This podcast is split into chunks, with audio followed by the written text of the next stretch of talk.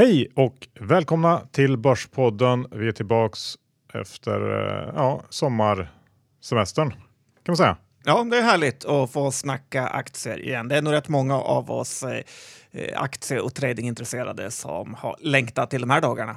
Verkligen. Hur som helst, det här är avsnitt 206. Vi spelar in idag den 2 augusti och eh, IG Markets är vår huvudsponsor. Ja, det är de. Och eh, IG är ju ett eh, sånt fantastiskt företag som gör väldigt mycket för sina kunder. Så att den här 2 september har de en golftävling där de är huvudsponsorer.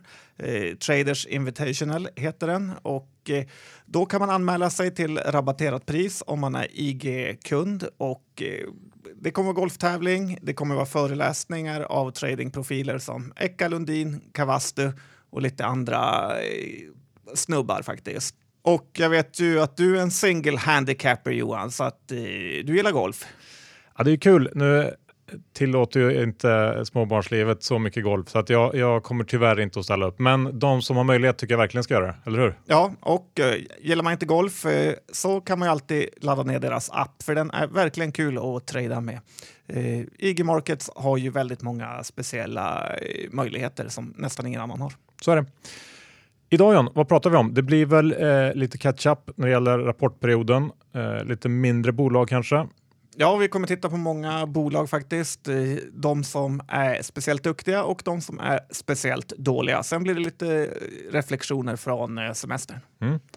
Innan vi kör igång så har vi pratat med Erika på Lendify och frågat henne vilken nivå på avkastning man kan räkna med om man investerar hos Lendify. Får lyssna här. Årsavkastningen på vår plattform har i genomsnitt varit dryga 6 de senaste 12 månaderna. Eh, våra autoinvestkonton, där har du en målavkastning på mellan 2,5 till 8% beroende på hur lång löptid du väljer. Och när jag säger ett autoinvestkonto då är det en korg av krediter där du sprider, sina, sprider dina risker. Tack för det Erika, alltid eh, svar på tal. Nu kör vi igång avsnitt 206.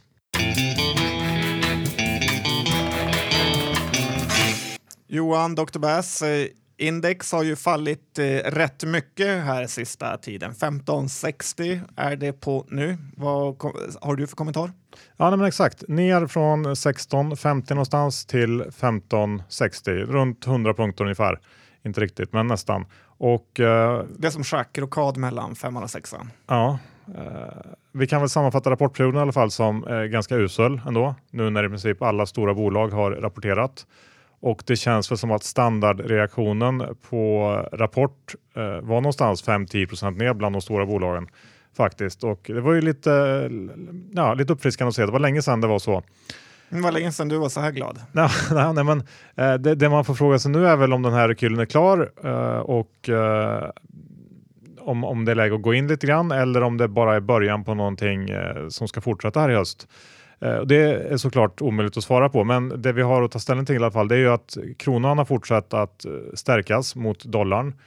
Och eh, ja, vi får se efter semestrarna när det börjar kicka igång igen hur det känns och om, om börsen ska fortsätta ner eller upp. Men, men det finns helt klart en del att vara lite orolig för. Ja, valutan är väldigt spännande för det är svårt att säga hur vi ska få ännu mer minusränta. Ingves börjar mer och mer kännas som Erik eh, Hamrén. Ingen taktik eller eh, plan överhuvudtaget, utan räntan eh, måste nu upp faktiskt. Ja, kanske blir så. Och om man liksom försöker fundera på vad krävs för att det ska tillbaka upp till 1650 så känns det ändå som att det måste till någonting ändå ganska speciellt för att skicka upp oss dit igen. Eh, dessutom så är Q3 ett generellt ganska svagt kvartal eller en svag period och uh, ja, så det finns en del faktorer som talar för en, en, en, svag höst ändå tycker jag. Men vi får se helt enkelt. Vi går över till Howard Marks som eh, uh, skickar ut ett nytt memo här i dagarna.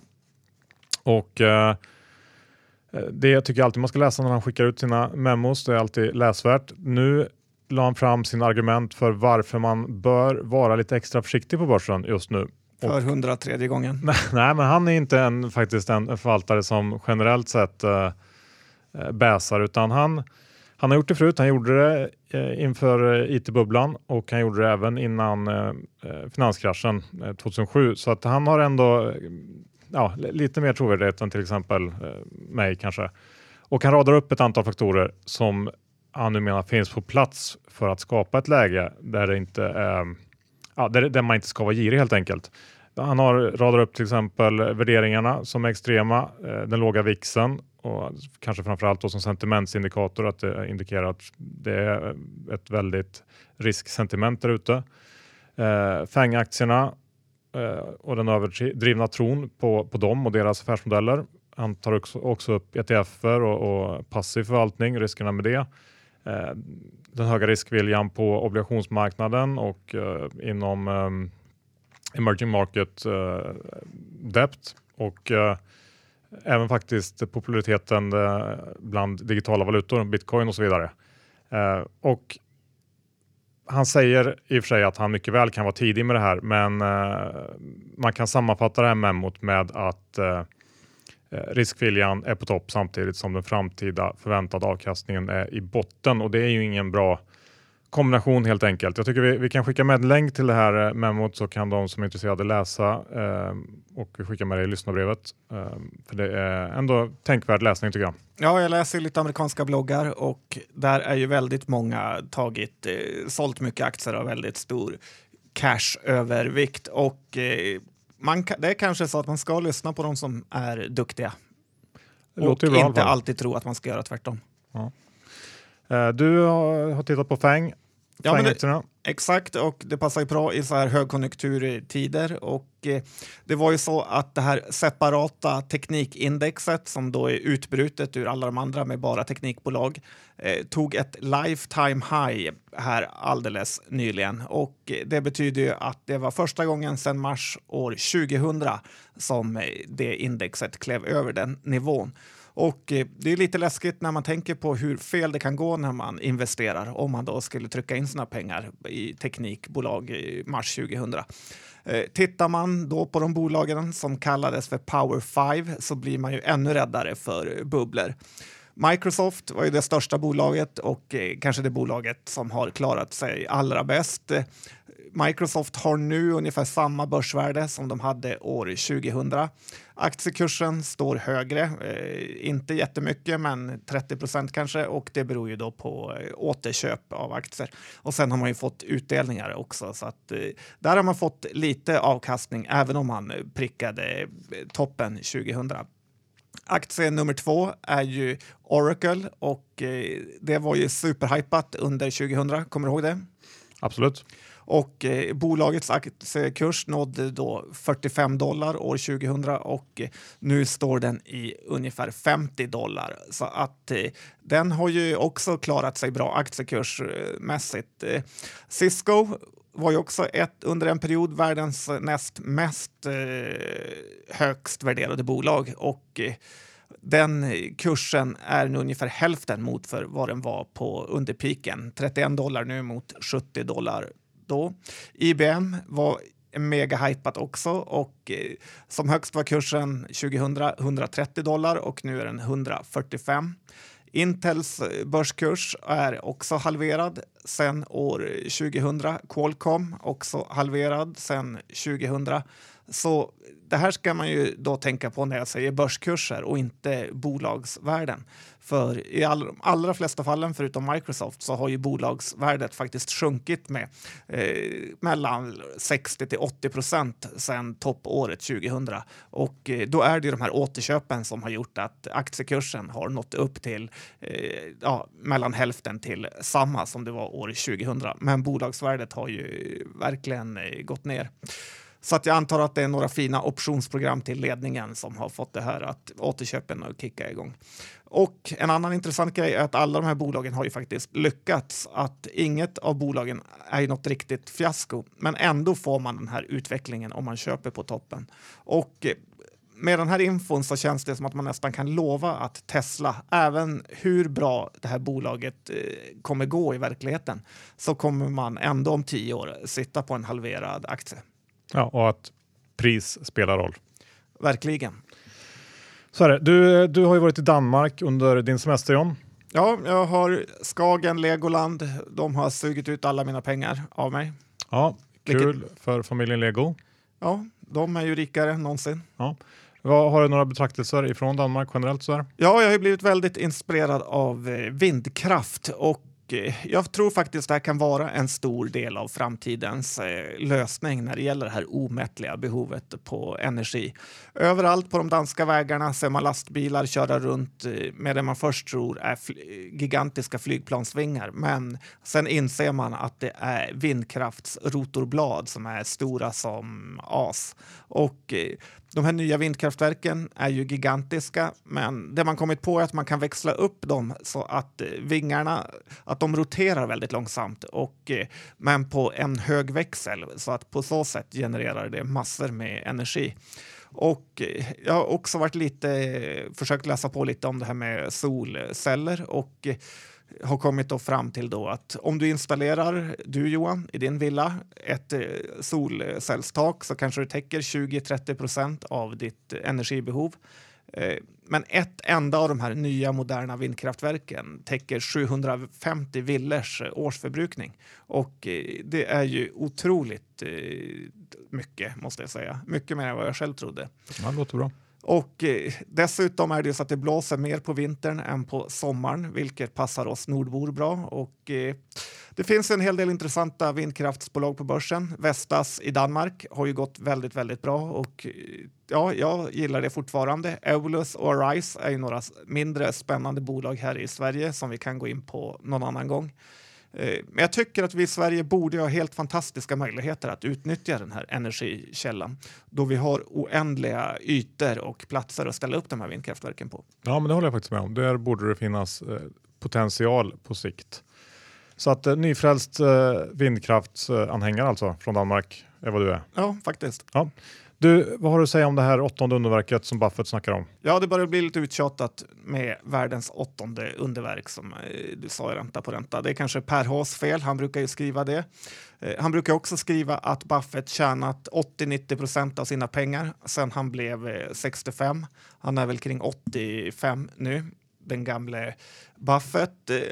Men ibland får jag känslan av att folk översparar och inte lever livet. För man sparar ju pengar för att man ska ha dem till någonting. Att bara ha pengar på banken och aldrig köpa något är ju lite grann som att man inte ens behöver ha några pengar. Att eh, gå runt och säga att det är härligt att äga en liten, liten del av Procter Gamble är ju egentligen bara patetiskt.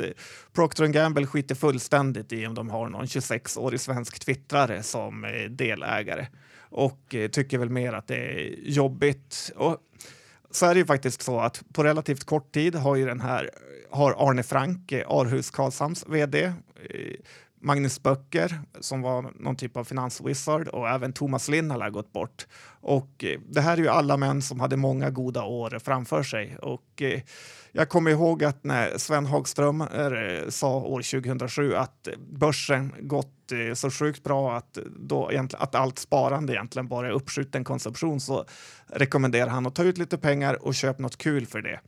Eh, så ja, Johan, våga lev livet. Ja, och det är väl lite läge, samma läge nu helt enkelt. Ja, och jag kanske fick hela den här tanken när jag läste vad Snåljåpen skrev eh, på Twitter. Och jag vet inte om det var på skoj eller inte, men det var när börsen var stängd på nationaldagen så sa, skrev han att han hade kollat sin, på, för, att han hade kollat sin portfölj sex gånger eh, trots att börsen var stängd. Och eh, det är ju en blandning av kul och eh, tragiskt när pengarna fullständigt tar över. Okej John, vi eh, ska snacka lite rapporter också idag. Uh, många mindre bolag har kommit in um, och det är väl um, ja, en hel del spridda skurar även där. Jag vet inte vad vi ska börja med riktigt. Kanske jag kan börja med Kambi. Ja, den har ju du varit inne och härjat i. Ja, det är ju eh, många spelbolag ska vi säga har ju gått riktigt bra på slutet och kommit med fina rapport, rapporter. Men eh, vi har undantag och Kambi var ett rejält sånt. Eh, en dålig rapport och framförallt kanske den här nyheten som man släppte i samband med rapporten att man eh, omförhandlat villkoren till det sämre då med 888 som är bolagets näst största kund. Eh, det var inte kul. Det Triple 8 låter bättre när man säger. jag gillar att säga 888. Ulla-Bella. 888. Ja, jag, ska, jag ska ändra på det. Eh, hur som helst, det här sänkte aktien med drygt 25 procent på några dagar.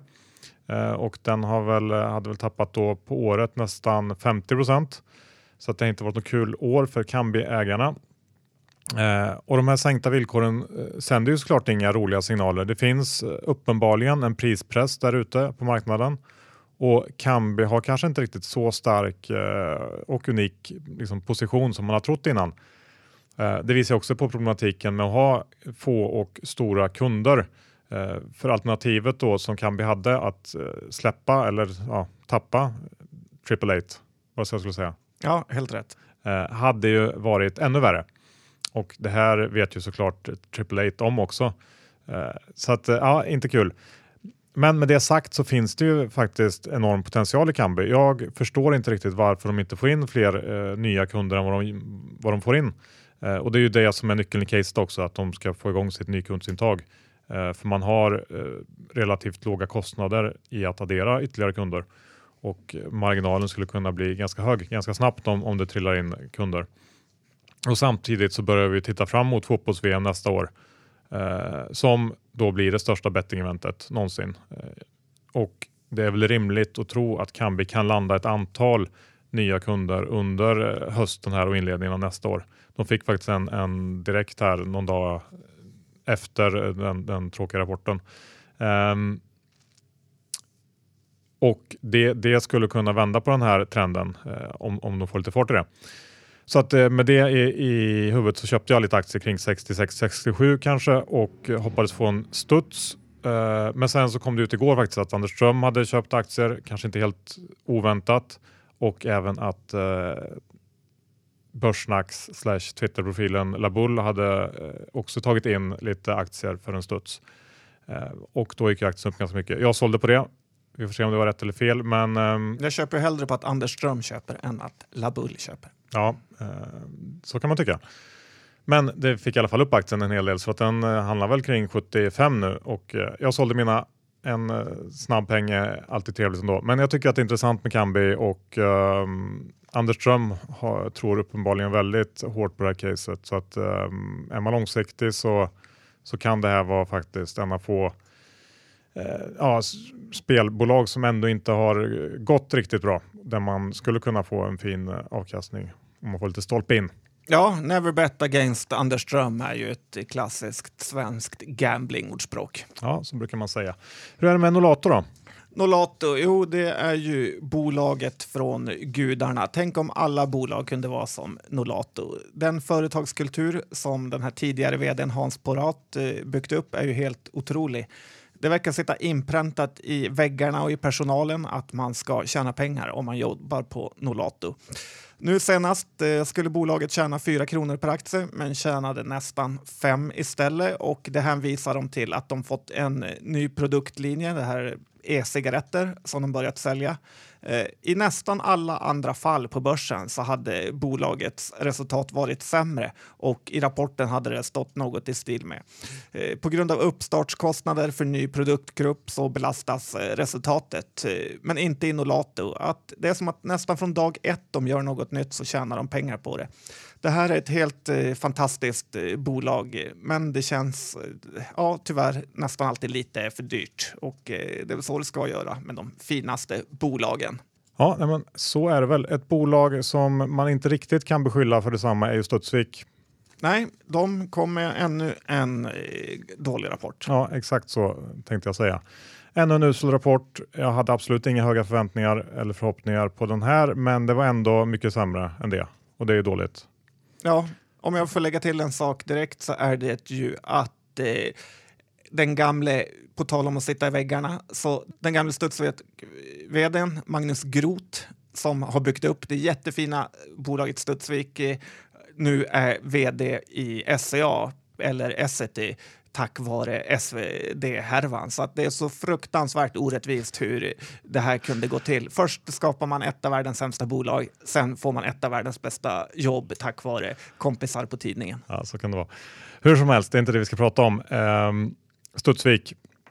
Om man går tillbaks dryga året till när eh, man lyckades sälja det vid den tiden stora problembarnet eh, avfallshanteringen så fungerade ju konsultdelen faktiskt ganska bra och vid den eh, då, eller vid den tidpunkten trodde jag att det värsta var över egentligen och att man kunde börja kanske gå framåt med små, små steg. Det visade, har ju visat sig vara en total felbedömning och eh, konsultdelen eh, och då främst den tyska delen där har utvecklats till en riktig härva eh, och börjar bli ungefär i klass med det som avfallshanteringen var innan man sålde det. Och jag tror egentligen att eh, en avyttring av den här delen är det enda alternativet om man ska få ordning på det här inom en, någon slags rimlig tidshorisont. Man kan ju vänta på att det ska vända och att eh, eh, rivningar ska komma igång och så vidare. Men det har man pratat om i ganska många år nu så att jag, jag har svårt att riktigt hoppas på det. Och i grund och botten så skulle jag vilja att man styckar upp hela det här bolaget och säljer del för del. Det skulle absolut vara möjligt och eh, det skulle också skapa ett väldigt stort aktieägarvärde. Eh, tyvärr så är det väl tveksamt om styrelsen som vi har nu eh, är inne på den linjen och vill göra det. Och eh, här kan vi bara hoppas att Peter Gyllenhammar får mer att säga till om. Um, och den enda egentliga ljuspunkten i Studsvik här på slutet var väl att man någon dag efter rapporten uh, så släppte man um, ett pressmeddelande där man berättade att man fått in en fot på den viktiga kinesiska marknaden med Tor-tekniken och drar in uh, lite drygt 20 miljoner kronor på det tror jag. Uh, det är ju positivt men um, ja, det, är väl ändå om man tittar på det stort sett så, så går det inte särskilt bra för Studsvik nu. och det man kan säga är väl att trots den här riktigt usla leveransen från bolaget det senaste året så står aktien ändå kring 55 kronor. Vilket på något sätt ändå då indikerar att eh, jag hade någon typ av margin of safety när jag köpte det här, det här, eh, den här aktien. För att allting har egentligen gått fel sedan dess. Så, att, eh, så kan man säga det. Ja, det är skönt. Allt går fel och man får en dubbling. Då har man gjort något rätt. Du, Orexo då? Ja, Orexo det är ju ett bolag som inte heller vet vad leverera är. Underleverera och riktade placings känner de ting till, men ingenting annat. Eh, I USA rasar den här debatten om hur man ska komma till rätta med det här enorma opiatberoendet som hela befolkningen lider av. Jag har för mig att kongressen tyckte att 48 miljarder dollar var en piss i havet mot det här problemet som de har avsatt och Orexo ligger ju som megarätt man nästan kan göra i den här trenden, men ändå lyckas de inte kräma ut något. Idag kom en positiv nyhet att de eh, kommer in i CVS utbud, vilket är ju väldigt eh, bra. Aktien går upp mycket, men det är först 2018 så man vill ju vet ju inte hur de kommer lyckas eh, tjäna något. Nikolaj Sörensson som är vd på Orexo borde kanske se sig om efter ett nytt jobb och låta en hungrig doer ta över och faktiskt eh, leverera lite aktier ägarvärde. Eh, jag vill skulle vilja äga Orexo och tro på det, men på grund av ledningens uselhet eh, vågar inte det Johan. Nej, jag förstår det. Eh, ett bolag som jag har köpt in faktiskt. Vill du höra vilket det är? Ja, det är alltid nytt när du vågar köpa aktier. Ja, det, är inte, det inte, hör inte till vanligheterna, men, men jag har tagit en liten position i Doro i samband med rapporten. Och det är ett bolag jag tycker är intressant. Eh, kanske för att det är ja, ett av få sätt på den svenska börsen att få exponering mot den här åldrande befolkningen vi har. Och det tycker jag är intressant för att vi med säkerhet vet att andelen äldre i vår befolkning kommer att öka över tid. Och det här kommer att bli ett problem. Det, det, de måste tas hand om, det blir dyrt och eh, eh speciellt med tanke på hur dyrt det är med äldreboenden så tror jag att eh, eh, vi kommer att behöva göra allt som vi kan för att underlätta för folk att stanna hemma längre och här har DOR en roll att spela eh, med olika hjälpmedel och trygghetslarm och så vidare som gör kanske att man kan eh, vara hemma lite mer och längre. Rapporterar de något om den här iPaden för gamlingar som det snackades om förut? nej, nej, det känner jag inte till. Alltså, jag känner att det här bolaget är en skam ja, från grunden till toppen för hur de behandlar sina aktieägare. Ja, jag, vet jag har inga mer kommentarer. Att du tycker Men det man kanske glömmer bort är Doro har ju en extremt stark position på den här marknaden eh, Eh, alltså den marknaden som du pratade om för seniortelefoner. Och så har man ju den här relativt nya care-delen med trygghetslarm. Och eh, jag tror att de här delarna kommer att bli mer integrerade än vad de är idag och att man inte riktigt kommer att prata om dem som två olika delar kanske om några år. Det är väl rimligt att larmen bakas in i telefonerna och att man även kanske kan lägga till andra typer av hjälpmedel och tjänster där som gör att det här blir lite sexigare och lite mer eh, digitalt och eh, ja, återkommande intäkter och allt det här som börsen gillar. Men om vi, om vi, det är väl mer Doro i stort vad jag tycker är intressant med det. Om vi tar en titt på rapporten så var ju den eh, svag på ett antal punkter. Aktien gick ner ganska mycket på den här rapporten. Dels var telefonförsäljningen i USA usel, eh, men det som kanske var lite tristare än så var faktiskt eh, care-delen där antalet abonnenter var oförändrat eh, från Q1 till Q2 och eh, det var väl inte riktigt väntat. Eh, det mest positiva är väl egentligen att man eh, fortsätter att hålla bra ordning på kostnaderna, eh, vilket ändå gjorde att resultatet kom in ganska in line med vad de få analytiker som täcker bolaget trodde att de skulle göra. Ehm, och jag har då som sagt köpt lite aktier för att ja, se hur det här utvecklas. Det, det, är som du säger att Doro har en historik av att fullständigt eh, eh, ja, sjabbla bort de chanser de får. Eh, det har varit många små misstag de senaste åren som har förstört liksom, år. Det har varit allt från eh, valutamissar till eh, vd som har haft stora avgångsvederlag och så vidare. Men någonstans, nu har man en ny ledning. Eh, även inom eh, ägarleden så finns det en hel del nytt blod och att jag tror att om man sköter det här på rätt sätt så finns det faktiskt en ganska bra uppsida i det här bolaget och ja, det ska bli spännande att följa. Ja, det hoppas jag för din del Johan. Och eh, har man ingenting att göra så kan man lyssna på Doros eh, telefonkomfor där fyra personer lyssnar. Det är väldigt underhållande. Vi går över till Gunnebo John. Ja, det här är ju också ett bolag som är Nolatos motsats.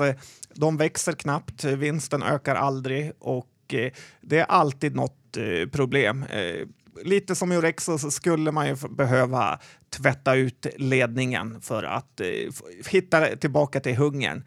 Tänk att ha ett bolag som säljer inpasseringslösningar, såna här roadblock-grejer och annan säkerhet i de här terrortiderna som vi har nu borde det här, borde det här vara absolut strålande eh, affärsmöjligheter för Gunnebo, men inte alls. Utan de här får ingen skjuts, ingen hjälp.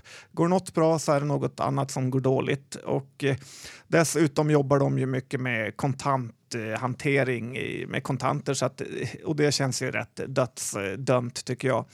Eh, Gunnebo är också rätt stor skuld och värderingen är inte jättelåg så att jag förstår ju om investerarna tröttnar på det här bolaget emellanåt och nu har den tappat rätt mycket sista tiden. Jag ser fortfarande ändå ingen inköpsmöjlighet. Nej, och, även, och där finns det väl också i, i likhet med Studsvik kanske ett case i att försöka stycka upp det här på något sätt och sälja av lite delar. Ja, något borde man göra, men eh, det går väl inte att göra så mycket sämre. Det är väl det positiva. Nej, det är alltid bra. Itab då? Itab är ju ett bolag som ju mer jag tänker på det så borde det här vara en stor blankningsmöjlighet. I USA har det stängts över 6 500 butiker eh, inom retail bara i år, alltså 2017. Och eh, vem är det som säljer butiksinredning? Jo, det är Mr. Itab. Eh, visst, butikerna kom, det kommer nya och de remodlar, som det säger, man sparkar ut den gamla eh, butikshyllorna och sätter in nya. Eh, men det känns ju aldrig bra att vara på en sån här nedåtgående marknad. Dessutom så känns det som att de här köpcentren man, man tittar på minskar antalet butiker och det blir mer och mer upplevelser och eh, mat och smoothie och allt eh, vad det heter. Och eh, jag vet inte vad, hur Itab ligger där, men det känns inte som att de har så mycket att komma med. Eh, jag vet ju också att den här utcheckningsdelen för livsmedelsaffärer försöker ju vara något typ av flagg, flaggskepp, men den står inte för mycket av försäljningen och den enda butiken som har provat deras supermaskin har ju avslutat det. Den här Lidl-butiken i Göteborg någonstans. Så fortsatt sälj helt enkelt? Ja, det här kan vara en halverare. Härligt. Eh, Railers kom ju också med rapport, eller har kommit med rapport, ganska svag sådan.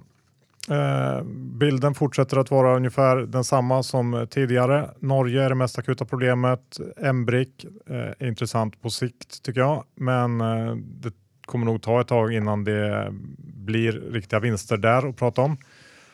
Eh, och fortsatt fokus är väl helt enkelt på att det här bolaget ska komma tillbaks i gammal god form. Eh, på 70 spänn som det står nu så tycker jag att det känns som man kan vänta kanske lite grann och att det är hyfsat sannolikt att man kan fiska in den här på lägre nivåer. Q3 blir väl antagligen inte så jättekul den heller. Och, ja. Men någonstans så är det här ett, ett bolag som jag tycker att man ja, helt enkelt kan försöka fiska in när den, när den går ner. Ja, jag tror inte Börsveckan-portföljen är jättenöjd med sitt nya senaste inköp. Nej, det, det, finns en del kvar att göra där för Peter, men man ska inte räkna ut honom. Mm, sluta ha cykeltävlingar en gång i veckan. Ja, kan hjälpa kanske. Semcon då? Ja, på tal om usla bolag är det här ytterligare ett och det här är väl kanske Sveriges sämsta teknikkonsult eh, och de fortsätter bevisa att de förtjänar den platsen. Eh, man trodde ju att det här, lite som Studsvik, eh, skulle bli ett annat bolag i och med den här försäljningen. De gjorde i Tyskland. Men nu har de någon typ av inneboende loserkultur i det här bolaget, så att det är alltid någonting. Kommer ett bra kvartal är det ofta så att aktien går upp mycket för att man blir så förvånad. Eh, det här var en väldigt, väldigt dålig rapport och eh, inget framtidshopp alls. Eh, aktien har ju kommit ned, men vi har ju som sagt inom konsultbranschen svaga Q3 framför oss. Så att den här vill man ha ner mer eller ha någon mer info innan man köper. Man ska dock aldrig, aldrig räkna ut huvudägarens plan med att eh, presentera jättedåliga rapporter för att sen jobba ner kursen och sen finns det möjlighet att köpa ut bolaget eh, billigt. Eh, som sagt, bli aldrig förvånad över någonting på den här ondskefulla börsen, Johan. Nej, det är helt rätt. Den inställningen ska man alltid ha.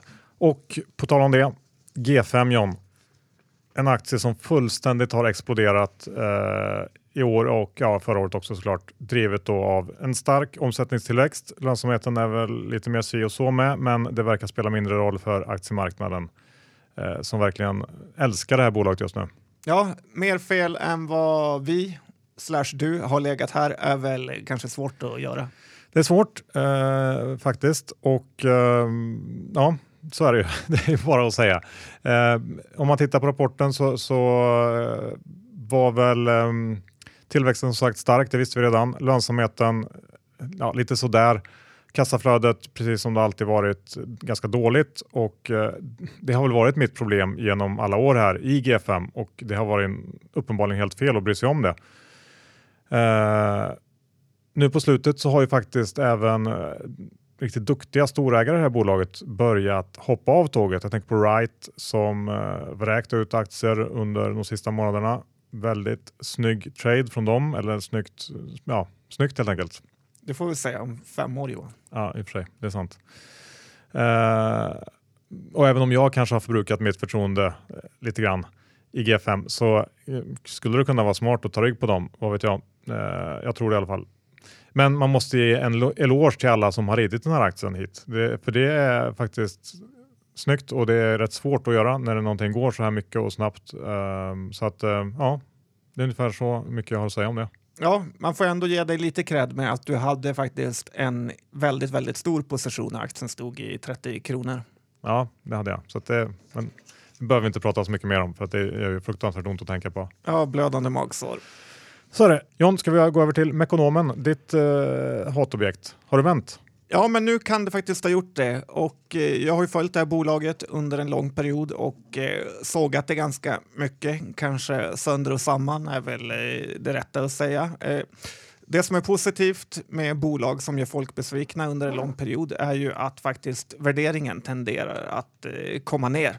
Och eh, det negativa är väl att om man gör en bra rapport eh, så behövs det ändå mer för att folk ska våga få tillbaka förtroendet för en. Och eh, jag har läst Carnegies analys om Mekonomen där de har det justerade p-talet för 2018 kring 12 och eh, om man icke justerade så kanske det är kring 14. Och jag tycker det här är så intressant så att jag faktiskt eh, köpt lite aktier här. Eh, Carnegie säger att det är fortfarande en hel del långsiktigt osäkra utsikter för Mekonomen och då hänvisar man till det här som alla pratar om. Privatbilsleasingen, elbilar med mera. Eh, jag ser det inte riktigt så utan jag tror att den här privatleasingen är väldigt bra för Mekonomen eftersom det är oftast människor med inte så mycket pengar som går, går på eller köper de här privatleasningarna och det gör ju att bilarna ofta är många sådana här Skoder, Ford, japanare som privatleasas.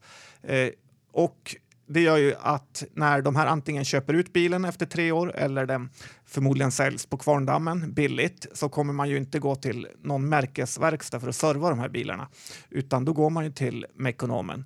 Eh, dessutom är det så att ingen ny bil egentligen behöver någon service alls innan tre år. Så att eh, om de köps ut på privatleasing eller om de köps eh, som vanliga bilar spelar absolut ingen roll för Mekonomen. En annan grej är det här med elbilar och att den aldrig går sönder, vilket jag verkligen inte tror på. Skulle kanske kalla det en av de största lögnerna som finns där ute om vi ser av alla de här 10 plus åren som jag själv haft en bil så är det ju aldrig motorn eller växellådan som har gått sönder. Det är bromsar, det är vindrutetorkare, det är krossad sidospegel, det är eh, däckproblem, allt möjligt. Så att eh, det är nog snarare så att det är väldigt positivt med det här som kallas för hybrid, hybridbilar. Att det är två system som kan gå sönder och att eh, man behöver serva dem. Så att elbilshypen tycker jag är väldigt överdriven. överdriven. Coopledningen verkar vara utrensad och eh, det är ju väldigt positivt tycker jag. Och Mekonomen är väl kanske fortfarande i ganska halvdåligt skick och det gör ju att förbättringspotentialen är så stor så att det kan vara kul att ta ett eh, bett nu.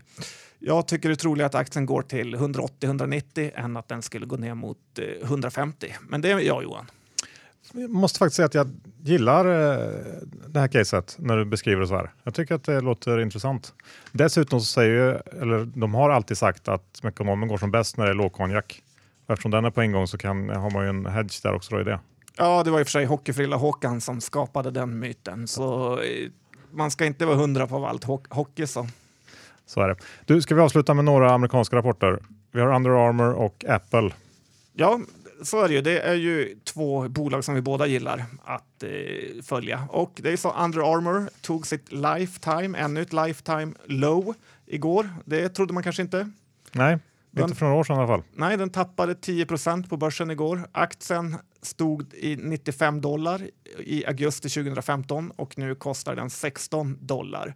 Eh, så att eh, det är ju Nike och eh, Adidas som har skärpt till sig ordentligt och och eh, gett Under Armour en eh, rejäl match. Eh, Steph Curry var ju posterboyen för hela Under Armour och nu verkar det vara snarare på rakt ner. Mycket beror på att det är många affärer, alltså fysiska affärer, som säljer det här Under Armour-märket som har gått i konken. Eh, och då kan de inte betala för vad de har köpt. Och retail är ju en riktigt, riktigt tuff bransch i USA som jag sa tidigare. Så att, eh, ja, jag vet inte. Jag skulle inte våga köpa Under Armour nu. Det har ju alltid varit extremt högt eh, värderat och nu när de går från att eh, tjäna pengar till att förlora pengar så ska man hålla sig undan. Ja, det låter ändå lite klokt. Apple då kom med rapport igår efter stängning upp eh, ganska mycket i efterhandeln. Vad har man att säga om det? Ja, fundamentalanalysbloggen och hans fans blev nog nöjda när den här tickade in. 5% upp på efterbörsen och vi får se hur mycket den går upp idag. Försäljningen av iPhones var ju fenomenal och man fick lite mindre som negativt och lite mindre betalt per telefon eller ASP som det heter på börsspråk. Vad betyder det Johan?